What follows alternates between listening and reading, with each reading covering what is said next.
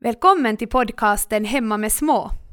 Vanligtvis brukar vi träffa småbarnsfamiljer på Lilla Luckans familjekaféer. För att också kunna nå er i era vardagsrum spelar vi in en podcast där vi bjuder in intressanta gäster för att diskutera frågor som berör föräldraskap och hur det är att vara hemma med små barn.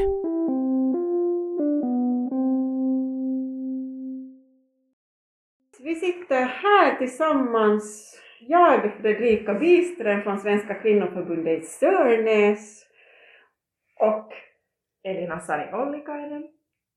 Och vi har faktiskt äh, tagit tag i ett ämne som amning. Det är ju ett tag sedan, för mig är det nu en liten tid sedan jag har slutat amma. Hur är det för dig? No, det är nu ungefär ett år och några månader sedan. Okej, Ja. just det. Jo, det där, jag, tycker, jag tycker att amning är ett jättespännande ämne för att det är så äh, det är en så stor händelse i livet på något sätt. Att det, om jag tänker att vad, vad minns jag av, av, av babytiden så, så det var nog faktiskt jättestor grej just det som allt som skedde kring amning. Mm.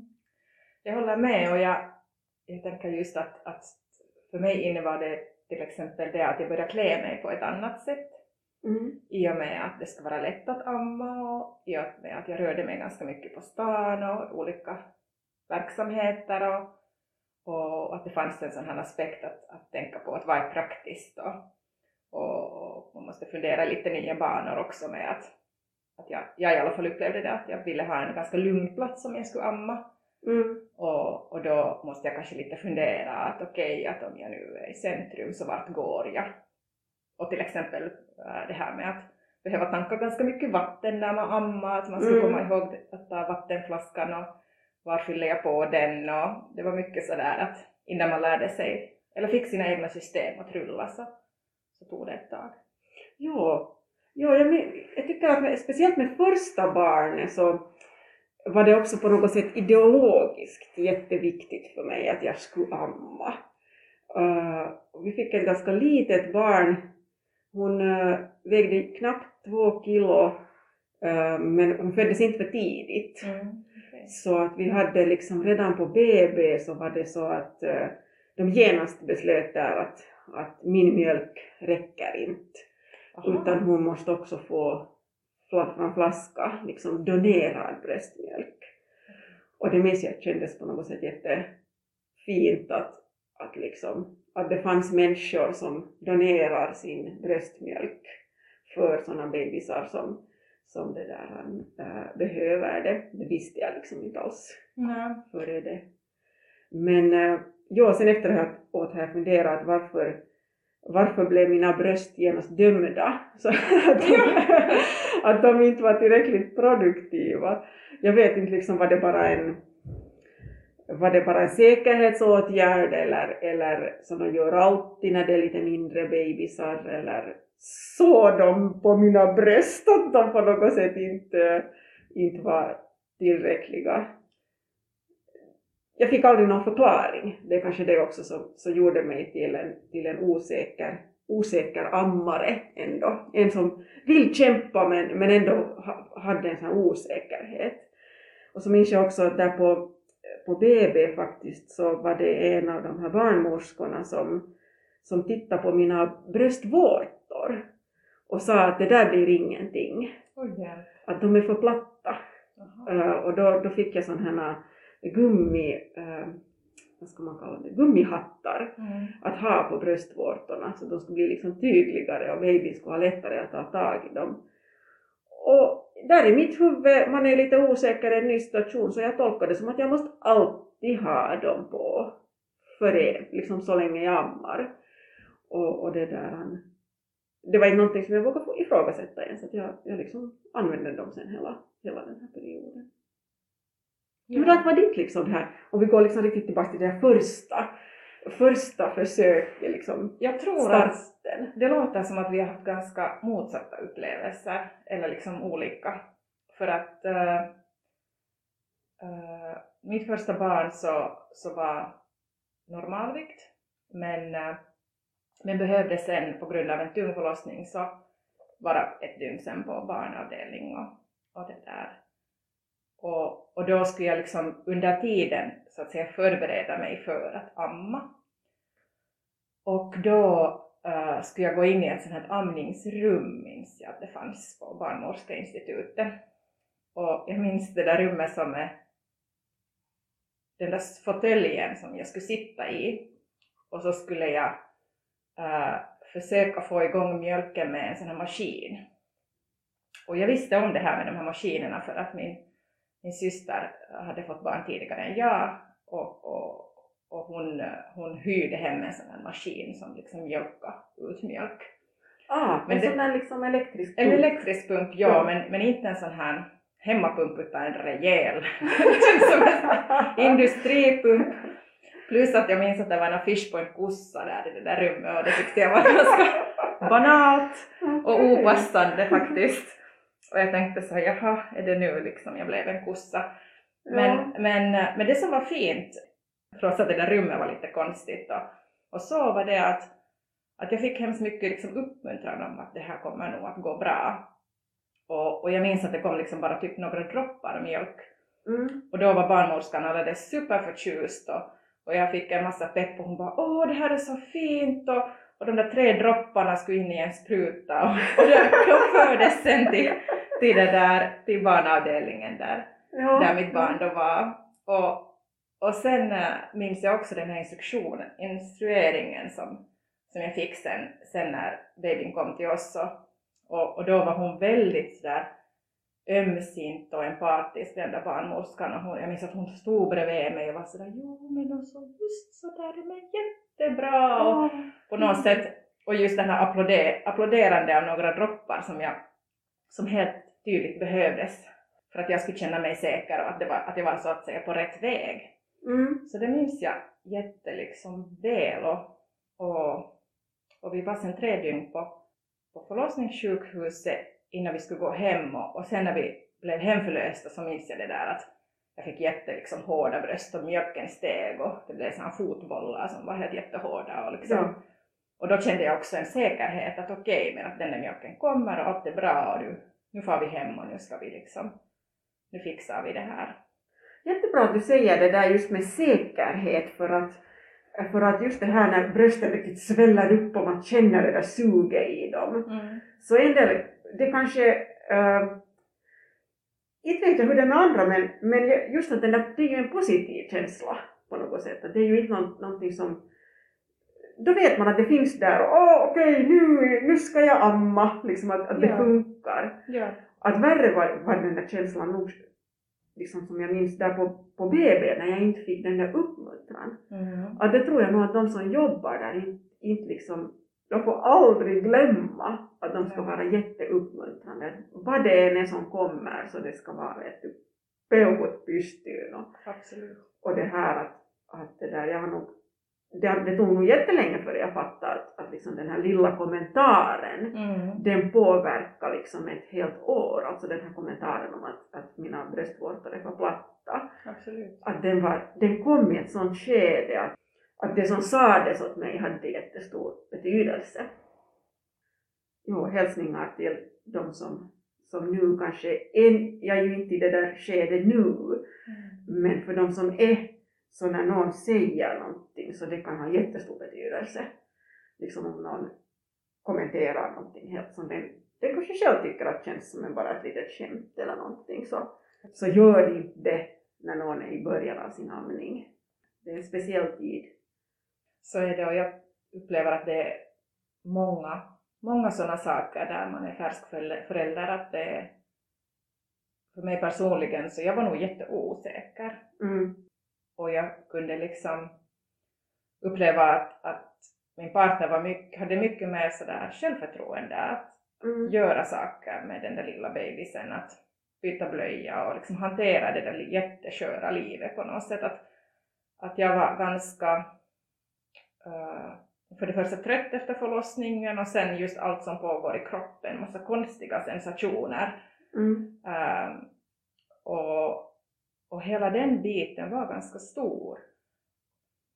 eh, jag minns både väldigt så här positiva uppmuntrande stunder men också, också jobbiga, att, att, att de, allt det liksom spelar in i det här, att, att, att man processar igenom liksom hela den där förlossningen och hur allt hade gått och, och kanske sådär efteråt kan jag säga att det var nog en mycket större stress än jag hade väntat mig. Mm.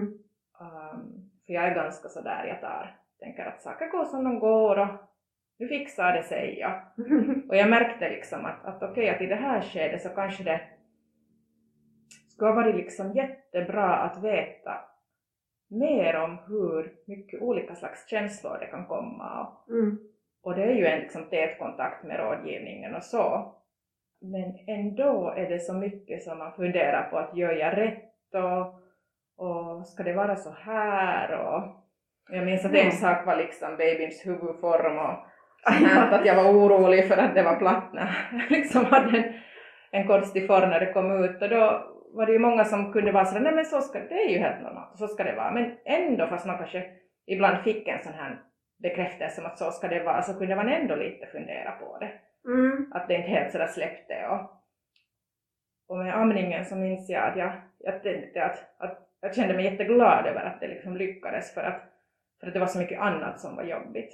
Mm. Uh, så någon gång har jag tänkt att men tänk att det ändå liksom lyckades att, att jag hade en babyn där ändå första dygnet och, och så vet jag om mammor som har måste vänta jättemycket längre eller barnet kan ha varit en månad på barnavdelningen och, och sen att den, i Finland har vi ju väldigt sådär amningspropagandiskt tycker jag på det sättet Mm. att, att det är ju en väldigt stark betoning på hur viktigt det är att barnet skulle få liksom mammans mjölk och, och hur hemskt det skulle kännas om, om det inte skulle ha lyckats.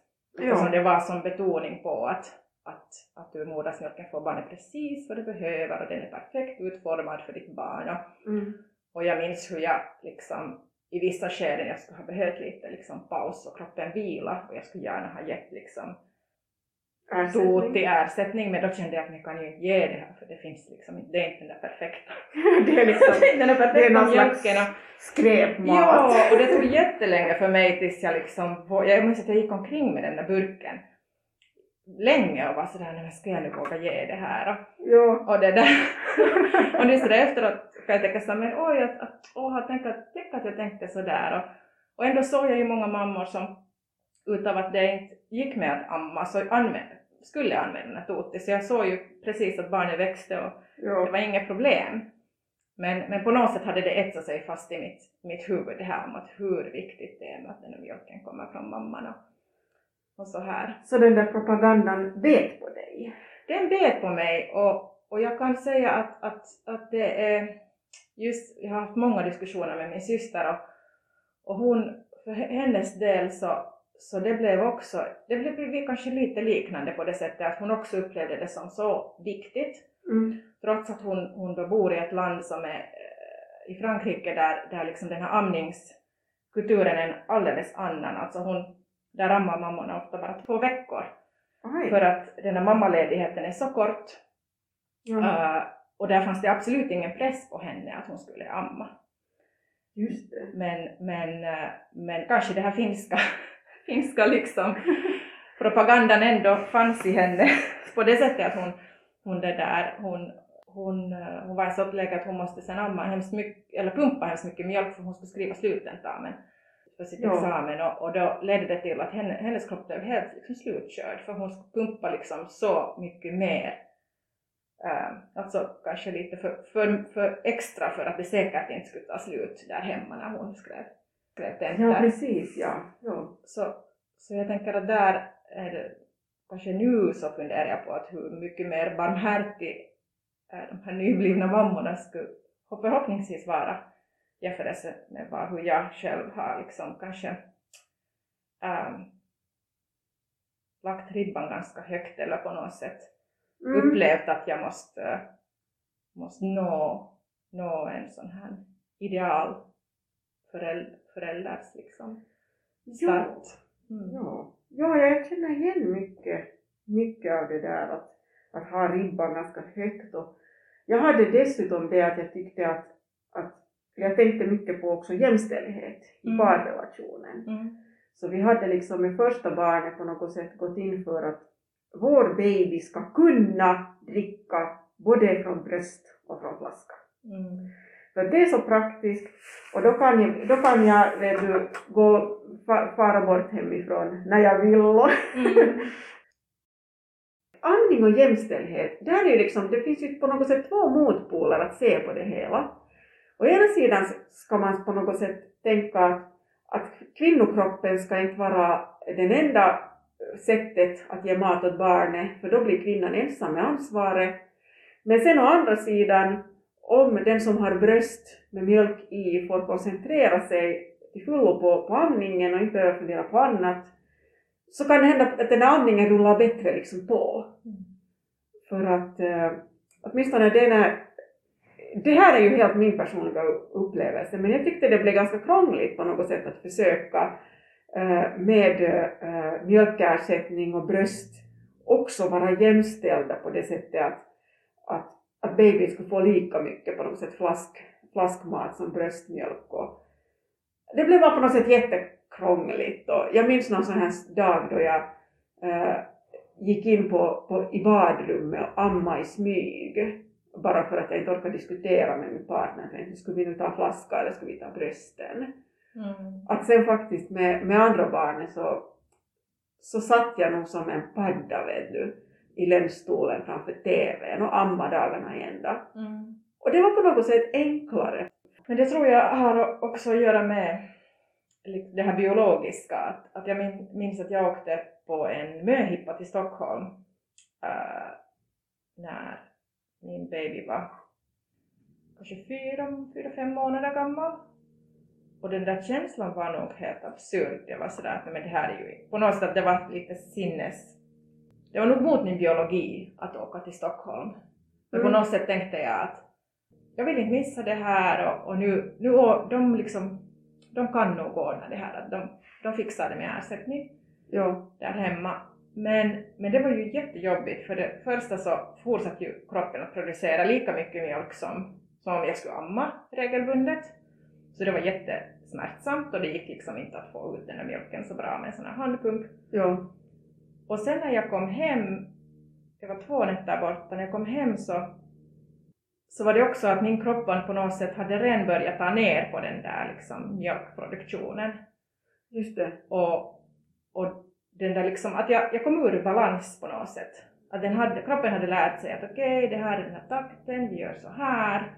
Och sen tappade jag det. Och jag tänker på något sätt att där med just att om man varvar med, med den där ersättningen och ammande, att, att den där temp, det är på något sätt den där tempo som kroppen liksom lär sig att göra. Mm. Och, och det minns jag också på något sätt att, att sen när jag väl vid något skede vågade ge den här ersättningen så så minns jag att det, började, det kändes som att, det var, att min mjölk höll på att ta slut.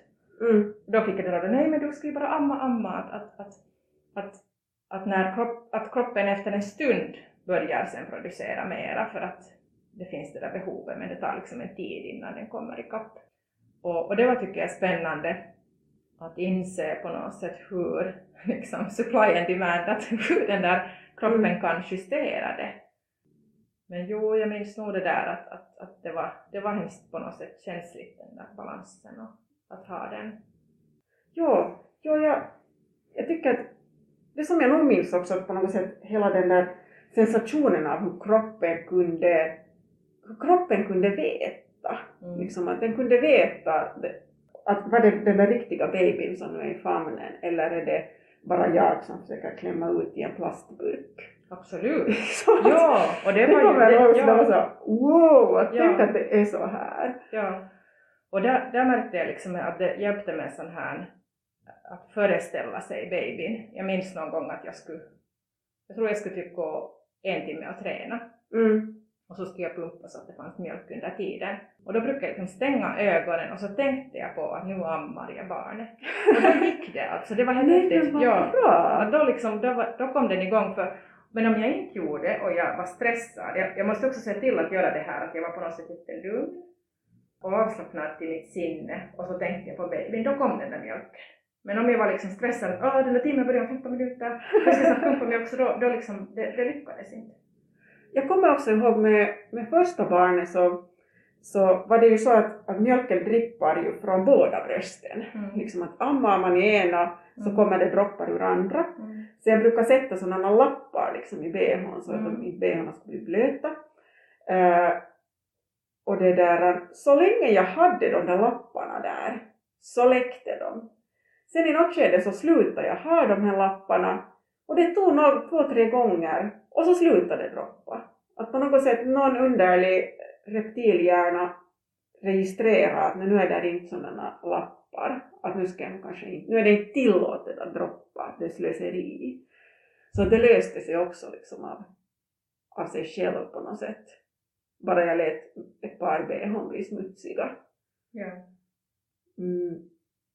Men jag ska ändå återgå till det där med parförhållandet. Jag tyckte nog att det var, det var liksom konstigt tungt att på något sätt rycka den där babyn och vara helt så att nu sprängs mina bröst, att nu ska jag amma, att, att stiga åt sidan, hämta, mig, hämta vatten åt mig, sätt på TVn och jag behöver också telefonen.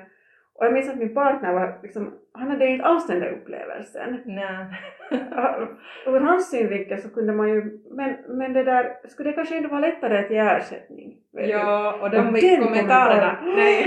Den är ju så tung, där är man ju och kämpar liksom och Nej, jag tror att, att, eh, att det är så många som kan känna igen sig i det här att man um, liksom fel kommentar, fel tid och det, det Mm. jag tänker på, på just att man på något sätt, alltså hormonellt ju är på något sätt jätteladdad eller så här att, att man, mm, jag minns också förstås kanske sömnbristen men att den där tröskeln att, att, att bli väldigt arg om man inte blir förstådd. Mm, eller just att det kommer fel kommentar som var jättelåg. Och det där, och på något sätt tror jag också för vår del att det var lättare med andra barn att det var mycket av den där stressen var borta med det här att, att man Mm. inte riktigt vet hur saker funkar och, och sen också det här att, att jag, jag tror det viktigaste var det här att jag litar mer på mig själv. Att jag var så här, men det här är mitt sätt, jag gör så här. mm, Och vi myntade faktiskt ett begrepp som var, hur var det? Uh, det var på finska någonting kring att tydlig vapaa, ja att stilen är fri. Att vi också insåg att vid något skede att vi inte ska försöka prompa på vår liksom egen jättefina idé utan att då den som är där med barnet får göra sitt så att säga. För vi hade hemskt mycket kamper om det här att, att mm, Ska det mera smärtmedicin när babyn gråter? Har den ont i öronen? Nej, det ska inte. Jo, det ska. mm, En massa av och an som var alldeles utmattande för bägge. mm, Och det käbblande kom, liksom, kom vi över sen vi andra barnen att, att det var på något sätt en... Ja, bå, båda kanske li, lita på att nu vet den andra och blanda sig mindre i att mm. på något sätt försöka Jo. köra sin egen grej. Jo, nej, men det där är nog en bra, bra grej att ha i bakhuvudet just att, vad ska man, hur ska man översätta tydlig och pappa liksom så att eh, stilen är fri stil, Mm. du, får göra, du får göra på ditt sätt. Absolut. Och att på något sätt kunna ha den, för jag, jag vet den där känslan man känner att ja men det skulle bli så mycket bättre nu om du skulle göra som jag brukar. Att, Mm. att ah, du fattar inte liksom. Mm. Att kunna svälja kanske den där känslan och sen, sen våga se att, att, att man kan göra det på ett annat sätt. Men ehm, ja men den där skillnaden, skillnaden mellan första barnet och andra barnet, den var, den var nog enorm. Att, på något sätt tänker jag att jag borde ha accepterat kanske mer att det här att min kropp nu ska producera mat åt en baby, att det är en så stor sak att jag ska inte försöka ens på något sätt upprätthålla något eh, så att säga normalt liv på det sättet utan vet du, go for it och låta det bli som det blir. Att det var egentligen först med andra barnet också jag, jag började amma i sängen när jag sov. Mm. Och det var också något jag inte hade med första barnet ens fattat att, det är faktiskt en superbra idé, Mm. liksom bara man klarar av det. Ja. För att vi sov nog så mycket bättre. Alltså vi sov med andra barn i och med att när babyn äh, började hålla ljud på natten så jag bara som en zombie liksom lyfte den, lyfte den bredvid mig och den amma och så somnade vi nu på något sätt. Jag hade ofta inte ens på morgonen ett minne av att vad som riktigt hade hänt på natten för vi hade nog bara på något sätt ordna det. Ja.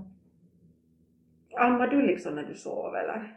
Jag har exakt samma story som du, att, eller att, att med andra barnen så, så gjorde jag det och, och det var helt fantastiskt att min sömn också det här att när du börjar amma så kommer den oxytocinen igång och då, det lugnar också dig. Mm. Uh, så det var helt fantastiskt och jag tror att vi sov, jag sov liksom typ ett år med babyn. Mm. Och, och det där, min partner var ju jättesur över det här för det var liksom inte kul att bli, att bli bortskickad från par, parsängen men för mig var det en alldeles, det var liksom en överlevnadsgrej. Jo. För att med första barnet blev jag så trött uh, i och med att vi hade uh, barnen sov i då i ett eget rum som också var någon sån här smart idé som jag trodde att det här blir bra så att, så att vi kan sova bättre på nätterna men det betydde ju att man skulle gå av och an jo, en massa under natten och, och det var alldeles jättetröttsamt. just det, och då vaknar man kanske på ett annat sätt. och klart inte då riktigt, riktigt i början så, så var vi alla i samma sovrum men, men där kanske vi hade sju månader eller någonting sånt så, så var barnet sen i ett eget rum och det var nog inte någon bra idé alls. Och, Nej. och, och nu när jag liksom fick den upplevelsen av att, att bara ha barnet längre nära och hur mycket lättare det var och, och, och liksom mycket mjukare och på något sätt um, mer skonsamt. Jo, jo, jo, att inte kanske hålla fast vid några sådana regler som man tror på. Alltså, vi trodde med första barnet att, att om babyn dricker en ordentlig flaska mjölk före läggdags så har den energi för hela natten, eller Mm. åtminstone halva natten. Mm. Och inte var det ju den där energin som verkar vara avgörande. Mm. Liksom. Att nu vaknar babyn ändå, liksom, och så skulle den dricka mer. Och så trodde vi att jaha, ska den dricka nu liksom en till flaska då för att sova? Uh, fast den egentligen bara frågar att, är mjölken nära? Vågar Mm. jag sova vidare? Mm. Liksom. Att sen med andra barnen så sådana här teorier om att eh, vi trodde också något sånt att om ba- babyn känner doften av, av mammans bröst så då kan den inte sova. Mm. Men, Men sånt eh, hör man ju. jo, och då kan man bli helt liksom förvirrad och, och just Mm. tro att nu ska vi ha något skinken eller någonting. Men det är nog svårt alltså, man, man vill ju gärna få information och teorier och kunna fundera igenom dem i sitt huvud. Men hur ska man då inte liksom fastna vid dem? Mm. Någonting att tro på ger ju en viss trygghet men, men sen att klamra sig fast. Jag tycker att sen med andra barnen så efter ett halvår, det låter ju som ganska lång tid, men efter Mm. ett halvår så började andningen fungera superbra. Alltså det var väldigt enkelt liksom bara att det, det var som att man alltid hade, hade liksom mat färdig i rätt temperatur och, och vi kunde röra oss jättemycket utan att kanske fundera ens så Ja. mycket på det. Det. Offentlig amning, det är ju sen kanske ett ämne vi borde också, Mm. också ta upp. Att, vad du, du sa att du måste gå till ett lugnt ställe. Gärna nog. Och sen upplevde jag, därför, jag gick ju mycket på det här babycafé Mm. äh, som kvinnoförbundet i Sörnäs ordnade och sen också på, på musiklek och sådana rum där det fanns mycket mammor som också amma eller, eller gav ersättning. Att det var sådana babymiljöer.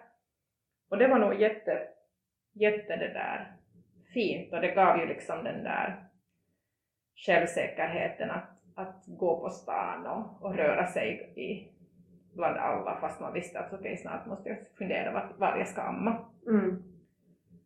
Och, och jag minns också det här att liksom jag fick en jättenära vän, vän under den här tiden då mitt första barn föddes och, och det här liksom härliga att kunna sitta tillsammans på lunch och, och båda ammade och, och så åt man och så pratade man och så drack man kaffe och det var liksom Mm. det minns jag som en sån här gyllene tid på något sätt att det var så, det var så fint att ha en kompis och, och att vara i samma situation och, och just att, att hitta de där också ställena tillsammans i stan. Var det, man kunde komma lätt in med barnvagn och där personalen var vänlig och, och förstod att det var okej om det fanns brödsmulor och, Ja. under bordet när man hade gått och så här att, att eh, det var superviktigt på många sätt och jag tänkte att ibland kunde jag så här längta till landsbygden och vara sådär åh det skulle vara skönt med, med, med liksom mindre brus och rus än i en stad Mm. men samtidigt kändes det som att, att i staden fanns hemskt mycket miljöer där som det fanns just, jag började gå hemskt mycket på museer och där det var tillgängligt för barnvagn och där det ofta fanns ett bra café i anslutning och mm. att det fanns många ställen som, jag, som blev så att säga mitt vardagsrum i staden och musikhuset som ett exempel som var lätt att gå in på toa och sätta sig någonstans i ett hörn och amma lite och, och, och det gav också den där det där modet för mig att jag sen i andra barnet så hade jag faktiskt anhållit om att börja deltidsstudera. Och först tänkte jag att nej men det här är ju helt crazy att inte kan jag nu fara dit då, med den här lilla babyn. Men, men jag for och, och det var ju liksom, det var ju bara ganska härligt hur fint jag blev bemött. Och, men där minns jag att det saknades liksom, på universitetet så saknades de där liksom amningsspråna. Det var ganska jobbigt på något sätt att jag hittade inte, det fanns inte riktigt något ställe Jo. Utan det var människor överallt och, och där kände jag nog sådär att jag skulle, jag skulle vilja ha någon lite avskild ställe. Något avskilt ställe. Ja, jag tycker också att det var liksom, det behövde en viss, uh, för att jag skulle kunna amma så behövde jag nog en viss sån där, en viss uh, arrangemang, att jag var jättelänge till exempel beroende av, av amningsdyna. Mm. Att jag vågade inte gå någonstans om jag inte hade den med. Och jag hade den nog med. Ja. för att vi hade ju ändå barnvagn, att man kunde ha den där liksom nere. Mm. Uh, men att just med första barnet så hade jag ju på något sätt den här perfektheten i huvudet och, och jag tyckte också att jag, jag, att jag hade en plikt av att visa att jag vågar amma var som helst, att jag skulle liksom amma i tågstationen och i parkerna och eh, liksom överallt bara på något sätt för ett, eh, på något sätt ett anarkistiskt, eh, jag skulle leva upp till, till någonting. Att sen med andra barnen så, så var det kanske, då kunde jag igen ta det liksom lite mer lugnt att jag kunde acceptera att jag själv vill också gå kanske mm. på sidan om, att jag behöver inte sitta, sitta mm. där bland alla, uh, om det känns ändå lite. Det är nog ändå lite sådär känsligt att, att just när det, babyn har sån här smackande ljud vet du, när den ammar, att vill man att alla hör det och tänk om någon kommenterar det. Att jag ville liksom, jag tycker man har också rätt, rätt att skydda sig själv mot andras kommentarer. Mm. Att inte orkar man läxa upp folk kanske. Händer det någon gång att någon kommenterar? Alltså jag, jag tror jag har, om det hände så har jag förträngt det för jag kan inte nu komma ihåg det. Det som jag nog fick några kommentarer av att, att vad ska du amma nu igen? Mm. Och det tycker jag också det är sådana kommentarer som man inte ska, ska mm. säga för man vet inte vad det är för läge. Mm. Det kan hända att man, liksom, det finns inget fult i att amma jättemycket. För att det, det är bara så som det är. Mm. Liksom. Att vissa dagar gör man inte något annat än ammar. Mm. Och det är liksom helt, helt okej och då kan man satsa på att se någon viss TV-serie. Mm. Vet du? Att mm. inte det är något sådär. Nej, det, det minns jag nog att, att var just när barnbabyn är jätteliten att det var ju väldigt tätt. Mm. Någon, någon, vissa mammor har berättat sådär att de kom inte någonstans för att det var liksom att det var hela tiden amning. Mm. Uh, och där minns jag att jag hade på något sätt, ibland trodde jag att, att, att det gick en liten viss klocka eller sådär att, att nej men nu vet jag nog den här rytmen att det är nu ungefär Mm, ja, rytm, ja, ja, just det. Två till tre timmar. Men, men sen märkte jag ju att, jag minns en gång att din gallskrek i vagnen och jag var helt så men, men vad är det nu liksom, att vi ammar ju just då. Och så var jag på telefon med min pappa och han var sådär, nej men kanske, kanske bebisen är hungrig.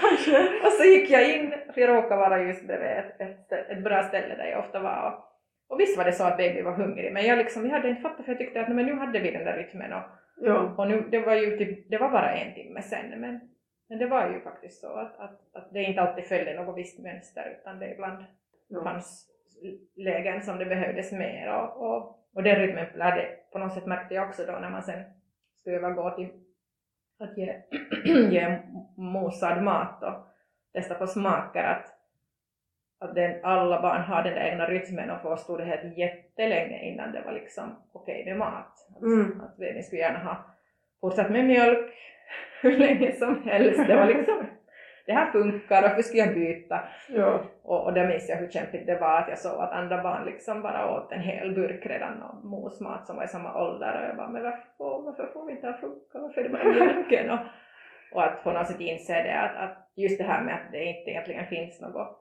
rätta sätt utan att, att det, både mammorna är unika och babyerna är unika och, och liksom att man inte på det sättet från en bok kan få det där, få det där svaret över hur man ska vara utan att jag i alla fall upplevde att, att jag lärde mig medan jag gjorde det, liksom att småningom blev det klart för mig att okej okay, men det här, så här får jag det att funka och, Jo. och, och vi gör på ett litet annat sätt än den och den men för oss funkar det här. Och, Jag tror du sa då tidigare att lita på sin, lita på sin egen känsla. Mm. Men det kan man inte göra om man inte har den där känslan att det var någonting Mm. som, som jag småningom kom till. Att i början var det faktiskt ett virrvarr och en osäkerhet och, Mm. och, och en sån här också känsla av otillräcklighet att, att gör jag nu rätt och. Jo, det som jag, jag tror att jag tänkte liksom kanske lite för lite på i början var att amningen handlar ju inte bara om att tanka mat utan Mm. det handlar ju också om att reglera babyns kroppstemperatur till exempel. Att, Mm. att när den skriker, den kan skrika för att den behöver tanka närhet eller värme, Mm. helt fysisk värme, Mm. den kanske Mm. fryser. Mm. Mm. jag, jag trodde liksom alltid att det var, det var frågan om när den var hungrig, att, att Mm. man liksom just tänker att, att, att nu är magen, magen tom och nu ska ta magen fyllas. Så det var också mycket skönare sen med andra barnen att liksom just bara kunna ha den utan kläder vet du, och ligga, ligga Mm. nära och, Mm. och att bröstet bara kanske hängde där på dens kind, Mm. vet på babyns kind, att det, var- det var liksom inte, det är ju inget problem med det, Nej. att det var, det var kanske bara det som den njöt av, Mm. babyn Mm. att det där han, första barnet också, eh, så minns jag att det var, jag tror att det var rådgivningen eller någonstans så, så kommenterade någon expert att vår baby är en livsnjutare Okej. och att det är därför hon vill så mycket ligga nära.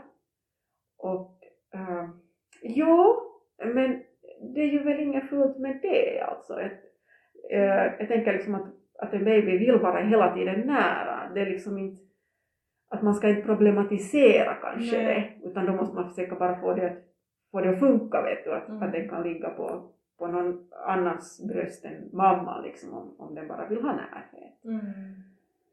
Ja, det är kanske en sak som vi inte har talat så mycket om, att uh, vad det innebär att hela tiden ha någon nära och någon som hela tiden uh, behöver dig.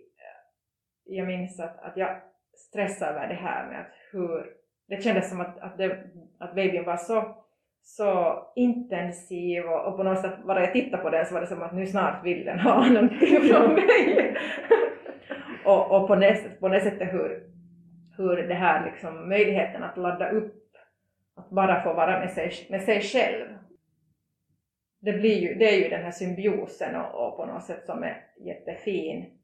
Men samtidigt kan den också vara ganska kvävande eller sån här liksom, Mm. har jag läst mycket, eller bekantat mig mycket kring empati, trötthet och, och där är ju liksom det här att du på något sätt att du kan också uh, mörka sidan kan vara att du så att säga försvinner själv, att du inte har liksom Mm. kvar din egen identitet utan du blir alldeles insugen. Mm. Och, det, och jag, alltså det, ska, det behövs den där insugningen för det är den där anknytningen. Och jag kunde liksom ha roligt åt mig själv att jag, jag och babyn klädde oss likadant. När vi på något babycafé så hade vi båda randiga, blåvita randiga skjortan eller bodyn. och- Men det, kom, det, blev, det bara blev på något sätt så, men att, att, att jag själv började ha svårt att särskilja mig från, från babyn. Ah, Att det blev på något sätt så äh, intensivt det där.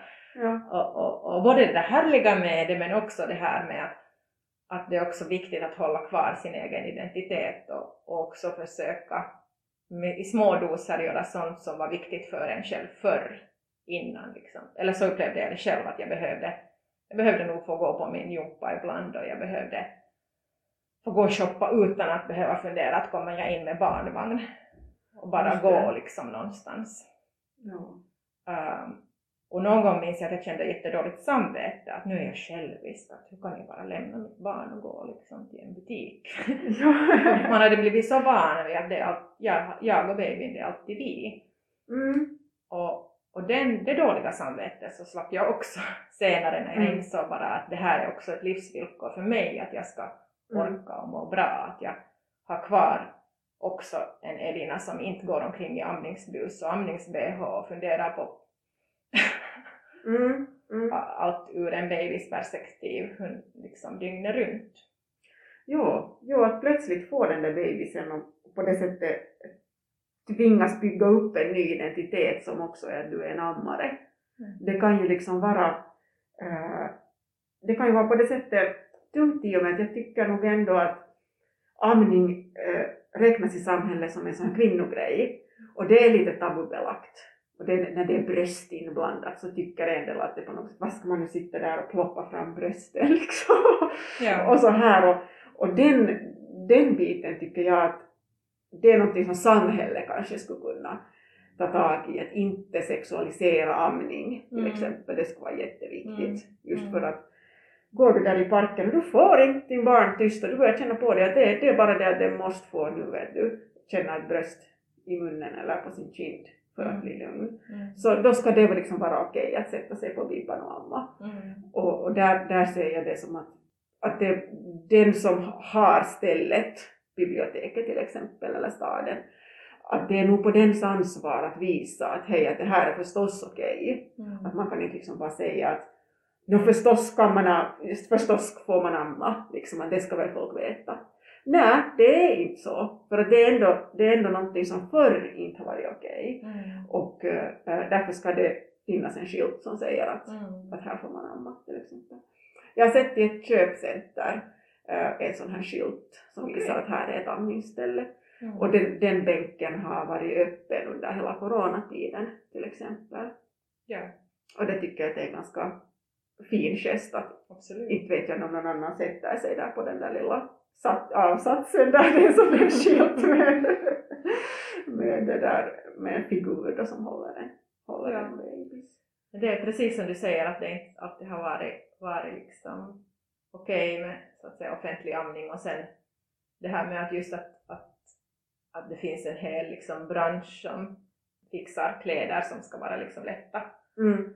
Och, och det tyckte jag var helt super för jag, jag, liksom, jag hade vissa favoritblusar som var just sådana att det betydde att jag inte behövde ta fram hela bröstet för att amma utan, Mm. utan kunde bara ha, ha så pass lite bröstet framme att, att man inte såg det för att barnets huvud var ändå där liksom framför. Jo. Jo. Och, och det tyckte jag var så, det passade mig för jag, jag, jag upplevde det nog som en väldigt privat, ändå en privat kroppsdel som jag inte helst Jo. liksom var som helst tar fram. Jo, nej men jag har nog så här minnes, minnen av, situationer då jag till exempel suttit i något slags sällskap och så har det varit en jätteintressant diskussion på gång. Mm. Och så när jag måste avbryta och gå och amma. Mm. Att där har just varit en sån här fråga om att kan jag nu bara på något sätt börja amma utan att det varken påverkar gänget eller varken påverkar mig själv. Eller är det nu bara enklare att gå någon annanstans och, och amma och sen komma tillbaka och, och så här. Ja, men det minns jag att, att, att jag inte alltid alls frågade att är det okej att jag ammar, vilket Mm. skulle ha varit helt bra. För ibland minns jag att folk nog lite så hajade till. och sådär, oj, Oj, är det, är det vi nu som måste gå bort lite sådär be, liksom besvärade. Ja. Och då insåg jag att det ska vara jättebra att, att först förvarna dem att hej, att är det okej? Och då skulle de kunna stirra ner i golvet till exempel. Ja, nej men det behöver ju inte vara, bli kanske så allvarligt som, Nej. som men det kan ju, man har ju ofta tuntät pinnalla liksom medan man ammar. Det är nog ett litet övervägande där. Mm. Men att, ja, vi ska väl börja kanske avrunda. Ehm, kan vi sammanfatta på något sätt vad vi har diskuterat? Ja, Jag upplever att den här diskussionen var mycket sån här, just det här kamratstödet som jag upplevde att, att, var, att man har liksom delade erfarenheter, Mm. olika men ändå delade. Och att eh, jag, känner, jag, jag känner att, att det var mycket handla om att jag själv skulle få en sån där känsla av att det här är okej, det som jag gör är bra och det här blir bra och jag liksom Mm. Och så var jag minns en, en kompis som sa tänk att jag har gett mat åt det här barnet liksom i ett års tid.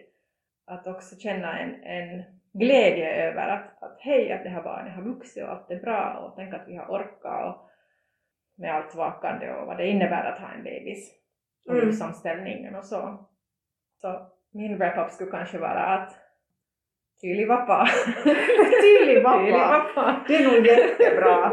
Uh, fri stil. Liksom Ja. att, att uh, ja, jag tycker också kanske mitt huvudsakliga budskap så här efterklok, om man nu kan säga så, att just att låt det bli som det blir. Mm. Att ha inte någon sån här uh, idealbild att, att vet du, det ska vara på ett visst sätt och, och, och du ska vara kall eller du ska vara varm eller vet du, Mm. acceptera de här känslorna i dig Mm. själv. Att, att känner du dig på ett visst sätt och liksom lite kanske skäms över det, så försök, jobb, liksom försök acceptera de här känslorna för dig själv. Att, att, fast att om du känner att nu vill du bara sitta där i soffan dagarna ända, så Mm. Det är liksom helt, helt okej att inte, inte kommer det här ändå att vara för evigt.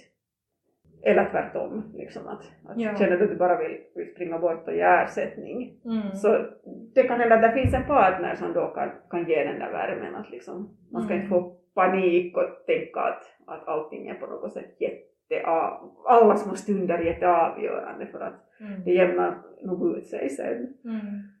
tänker jag.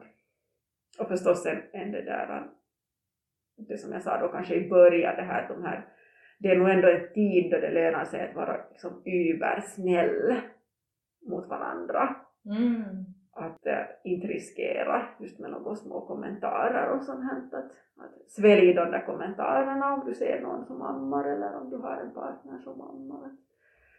Lite lämpligt bomull att man hinner nog det där, ha en annan form av kommunikation sen, sen när det börjar rulla. Bra men hej, stort tack Elina Sagne Ollikainen att du kom och dela, dela med dig Eh, och jag är alltså Fredrika Biström som jobbar på Svenska kvinnoförbundet i Sörnäs och det, är det, det är vi som driver det här babycaféet som Mm. nu, nu sker på, på distans och det är Jessica Luther som, som brukar, brukar möta er där på babycaféet. Tack, det var jätteroligt att vara med. Tack och hej då till er som har lyssnat. Hej då! Tack för att du har lyssnat. Den här podcasten är ett samarbete mellan Luckan, Barnavårdsföreningen, Folkhälsan och Svenska kvinnoförbundet i Sörnäs. Ifall du vill veta mer om familjekaféverksamheten på Lilla Luckan eller få annat stöd som vi erbjuder småbarnsfamiljer så har vi satt in nyttiga länkar i podcastens beskrivning.